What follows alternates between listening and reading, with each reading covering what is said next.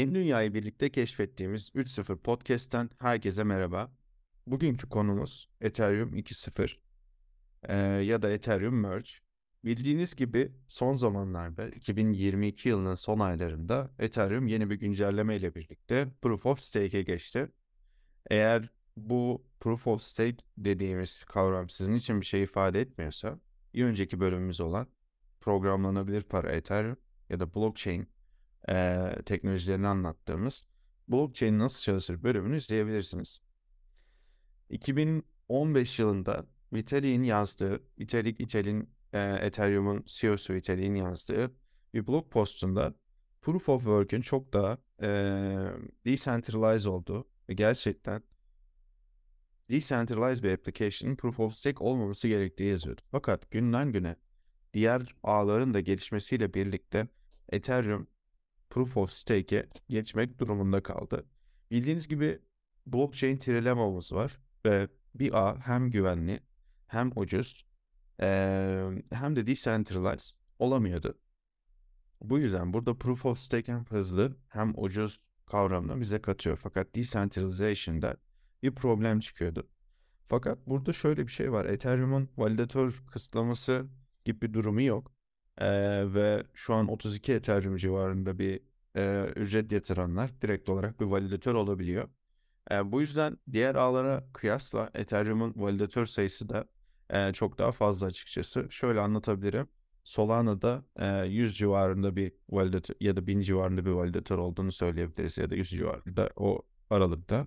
E, ama Ethereum'da şu anda 5000'den fazla validatör node bulunmakta. Bu da Ethereum'un aslında bu üçünü bir arada yapabilme isteğinin ne kadar kuvvetli olduğunu da gösteriyor. Ee, hem güvenli hem ucuz hem de decentralized olmasında birkaç yeni çözüm daha var. ZK Rollup'lar gibi.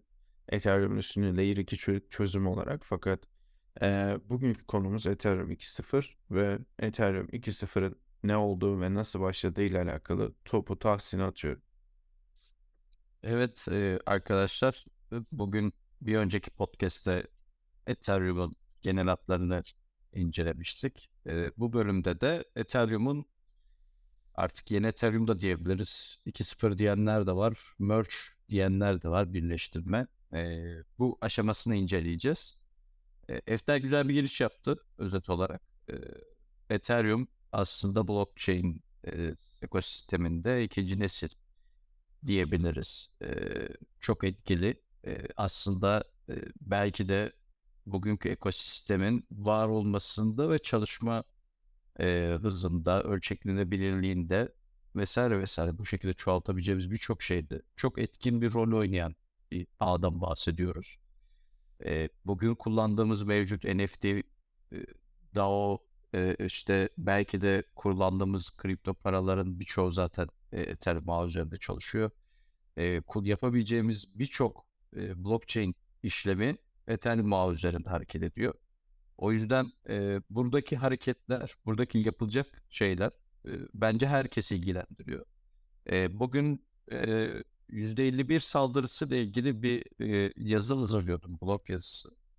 E, burada da %51 saldırısının hatta bir önceki bölümde de bunu ele almıştık e, Eftel. E, burada şey demiştik, e, hani evet %51 saldırısı mümkün vesaire filan bunların üzerine çok konuştuk. E, burada aslında rol şuraya çıkıyor. Planinde %51 saldırısı her ağ için muhtemel. Lakin e, o ağın e, arkasındaki konsensüs dedikleri olay komünite yani bu arka planda e, ağı destekleyenler, geliştiriciler burada çok önemli bir rol oynuyor. E, bence %51 saldırısının en büyük engelleyicisi de onlar sonuç olarak. E, Ethereum Merge ile beraber Merge'den sonra e, ve Merge'den önce şeklinde bir özet geçmek istiyorum. Aslında bence soru şu. E, Ethereum e, neden yükseltme yapıyor?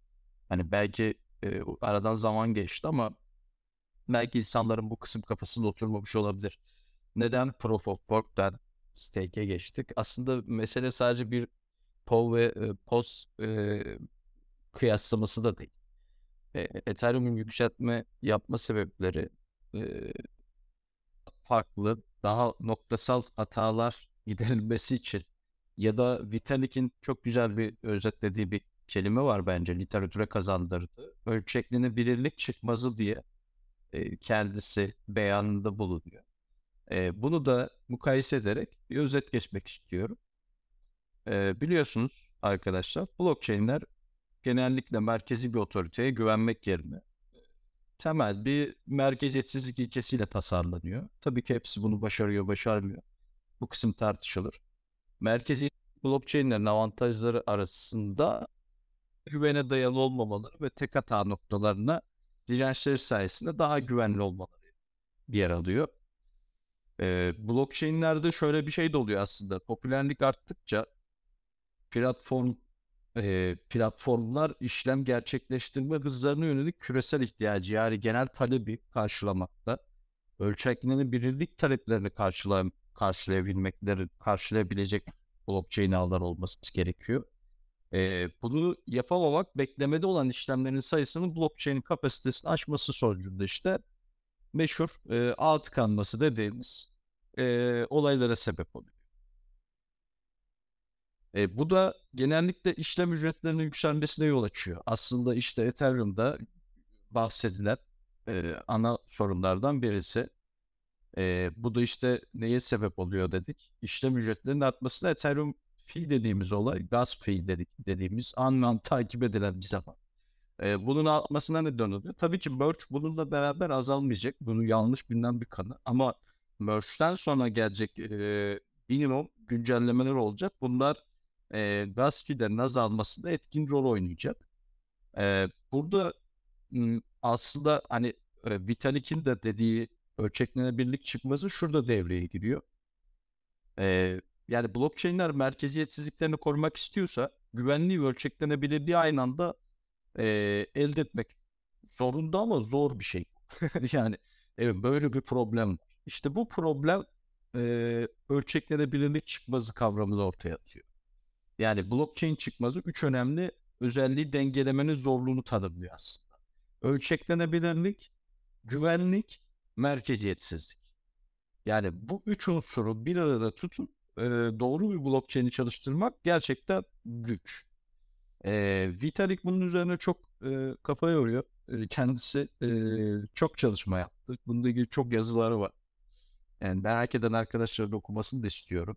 Evet biraz bazı yazılar çok detaylı olması etkin ama bazı yazılarda anlaşılabilir boyutta.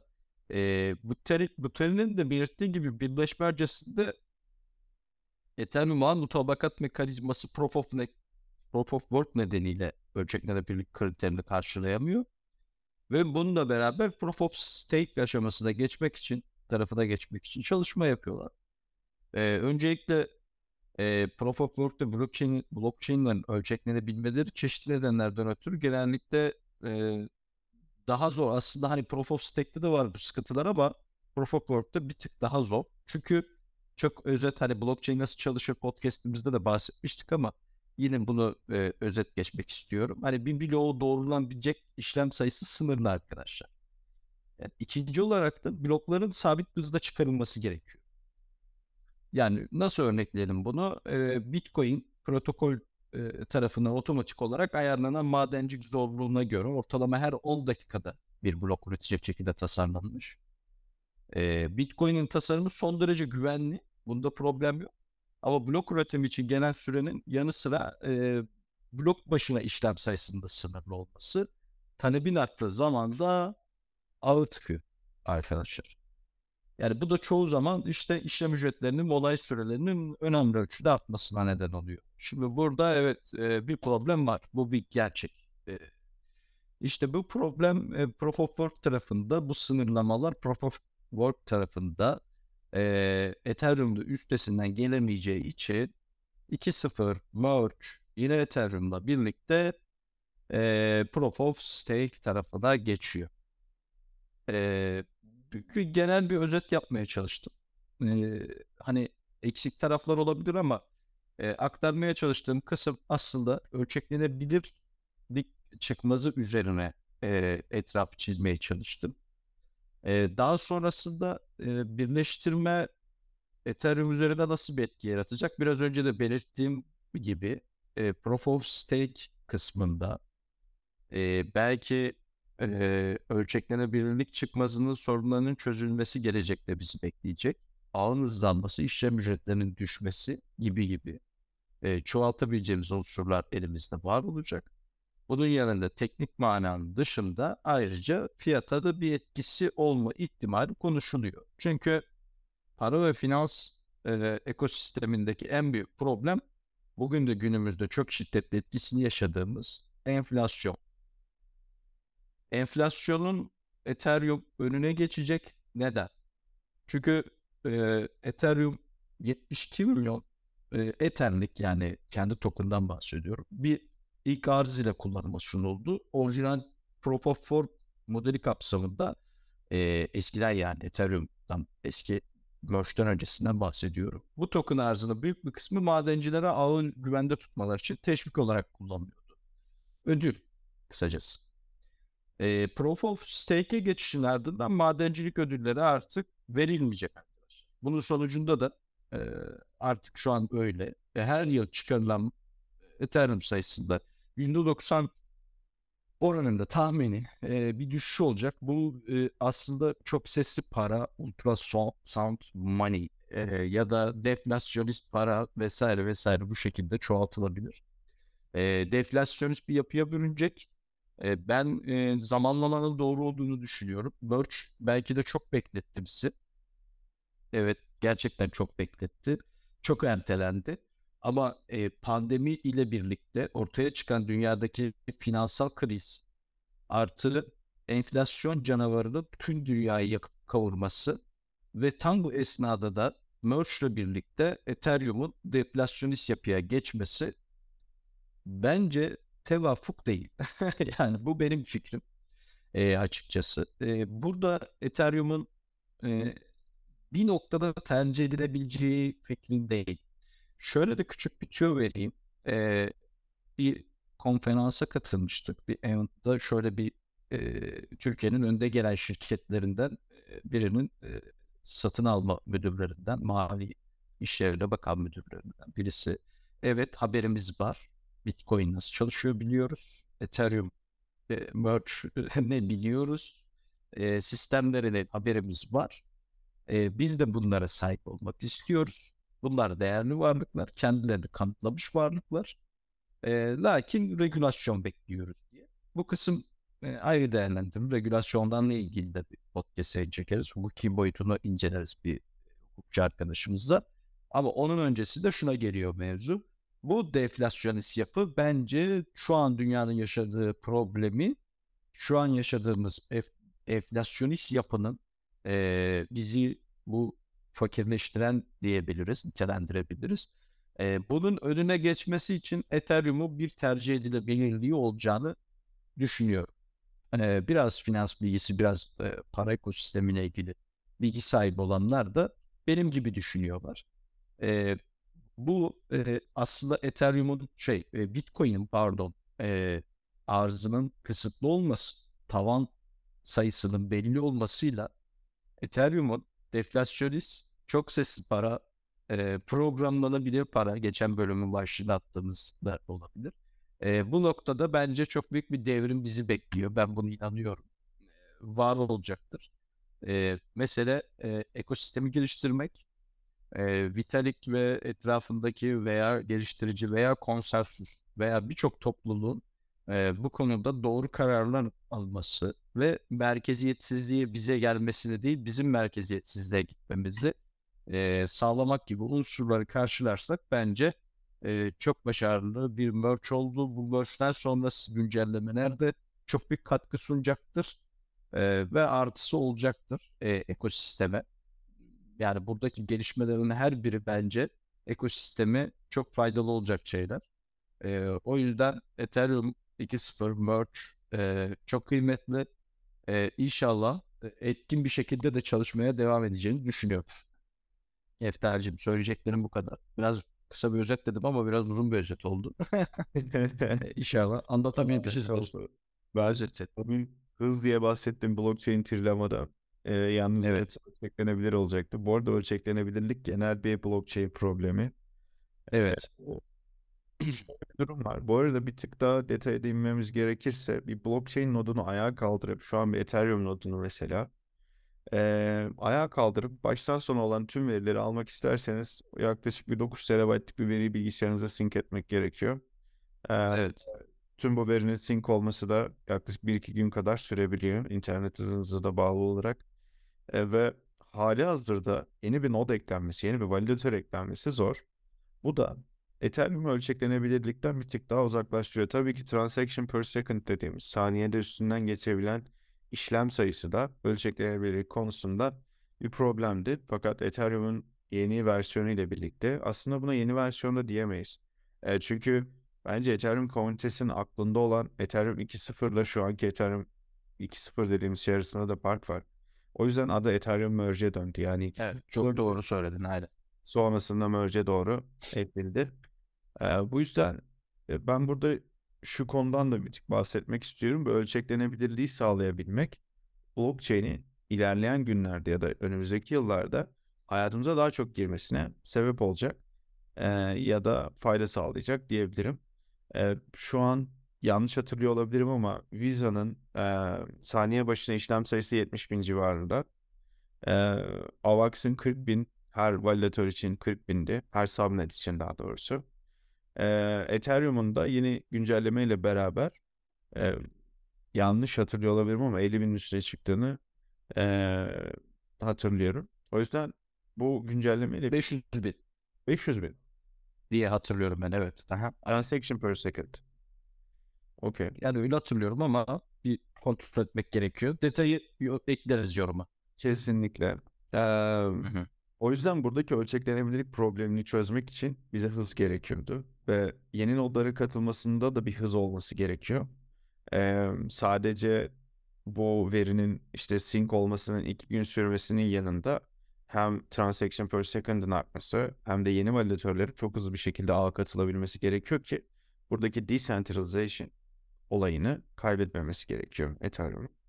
Ee, bu gecikme, bu arada hatalar da yaşandı ufak tefek e, bu geçiş sırasında.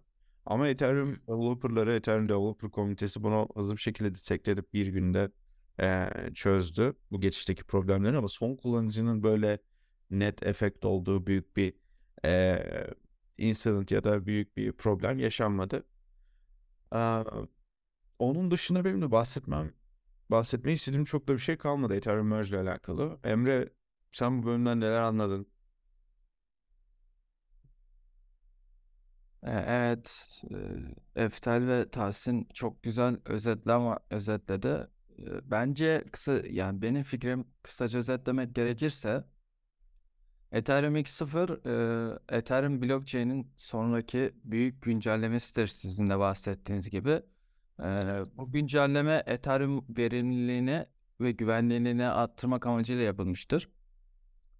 Ee, Ethereum e, 2.0 Proof of Stake konsensus mekanizmasını kullanıyor ve bu sayede madencilik için gerekli enerji tasarruflu hale getirmeyi amaçlamıştır. Ayrıca daha hızlı işlem hızları ve daha büyük işlem kapasitesi sunmaktadır. Ee, Ethereum 2.0 aynı zamanda smart kontratların ve decentralized uygulamaların daha verimli ve eee, nasıl diyeyim güvenli çalışmalarını sağlamaktadır. Genel olarak Ethereum'un Ethereum 2.0'ın Ethereum'un geleceğine yönelik eee, büyük bir adım alacağını düşünüyorum ve görünen şu anlık o yönde ilerlemektedir. Eee, ve blockchain teknolojisini daha da geliştirmek için tasarlandığını söyleyebilirim.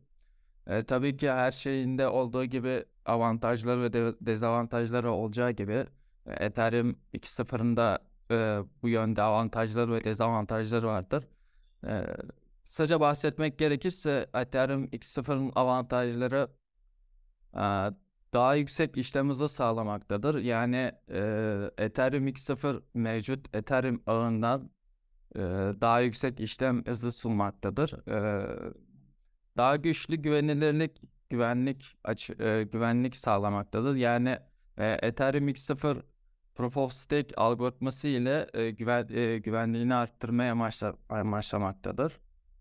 Bir diğer avantajı ise e, daha düşük işlem maliyeti yani Tahsin daha düşük işlem maliyeti olmayabilir demişti ama e, bence Ethereum 2.0 daha ez, daha az elektrik ve işlem gücü gerektirecek ve bu da daha düşük işlem maliyetlerine neden olabilecektir. Son olarak avantajına gelebilecek olursak daha büyük skalabilitesi yani bence Ethereum 2.0 mevcut Ethereum 1.0'dan yani bir önceki ağından daha fazla işlem gerçekleştirebilme kapasitesine sahip olacak diye söyleyebilirim. Ee, tabii bu avantajlar Ethereum 2.0'ın daha popüler ve kullanışlı hale gelmesini sağlayacak ve kullanıcılarına daha iyi bir kullanıcı deneyimi sunmaktan sunabilmektedir. Aa, ama bir diğer taraftan bakacak olursak konuya e, bence Ethereum Ethereum 2.0'ın potansiyel dezavantajlarına e, bakmak gerekirse e, yükseltme zorluğu var. Yani Ethereum 1.0'dan Ethereum 2.0'a geçiş e, e, zorluğu. Yani ne demek istiyorum? Ethereum 2.0 e, mevcut Ethereum ağına göre daha fazla teknik bilgi ve zaman gerektirebilmektedir. E, daha sonra daha yüksek yatırım gerektirebilme olacaktır. Yani Ethereum 2.0 daha pahalı donanım ve yazılım gerektirebilmektedir. Diğer avantaj ise e, deza pardon dezavantaj ise geçici süre zorlukları diyebilirim. Geçiş süreci zorlukları yani e, Ethereum 2.0 geçiş süreci e, mevcut Ethereum ağındaki tüm cüzdanlar ve uygulamaların yeniden yapılandırması gerektiğini söyleyebilirim. Zorluklarını içerebilmektedir. Ee, son olarak da güvenlik konuları tabii ki. Yani Ethereum 2.0'ın Ethereum 1'den daha yüksek güvenilirliği olduğunu söyleyebilirim. Ancak her blockchain ağı gibi bunun da potansiyel güvenlik açıklarına neden olabilir. Bu dezavantajlar da e, Ethereum X0'ın popülaritesini ve kullanımını etkileyebilir diye özetleyebilirim. Harika. Ee, podcast'i sabah çekiyoruz. Böyle Emre konuştukça sanki sabah haberlerini izliyormuşum hissettim. Yani olabilmektedir. Olabilir. Evet. Aa, teşekkürler bu arada Emre. Güzel. Bence keyifli bir bölüm oldu. Umarım siz de keyif almışsınızdır. Yeni dünyayı birlikte keşfetmeye e, devam edelim. Her salı aynı yerde bizi şu an nerede dinliyorsanız görüşmek üzere. Bizi sosyal medyadan da @30 podcast ile takip etmeyi unutmayın. Görüşmek üzere. Görüşmek üzere arkadaşlar.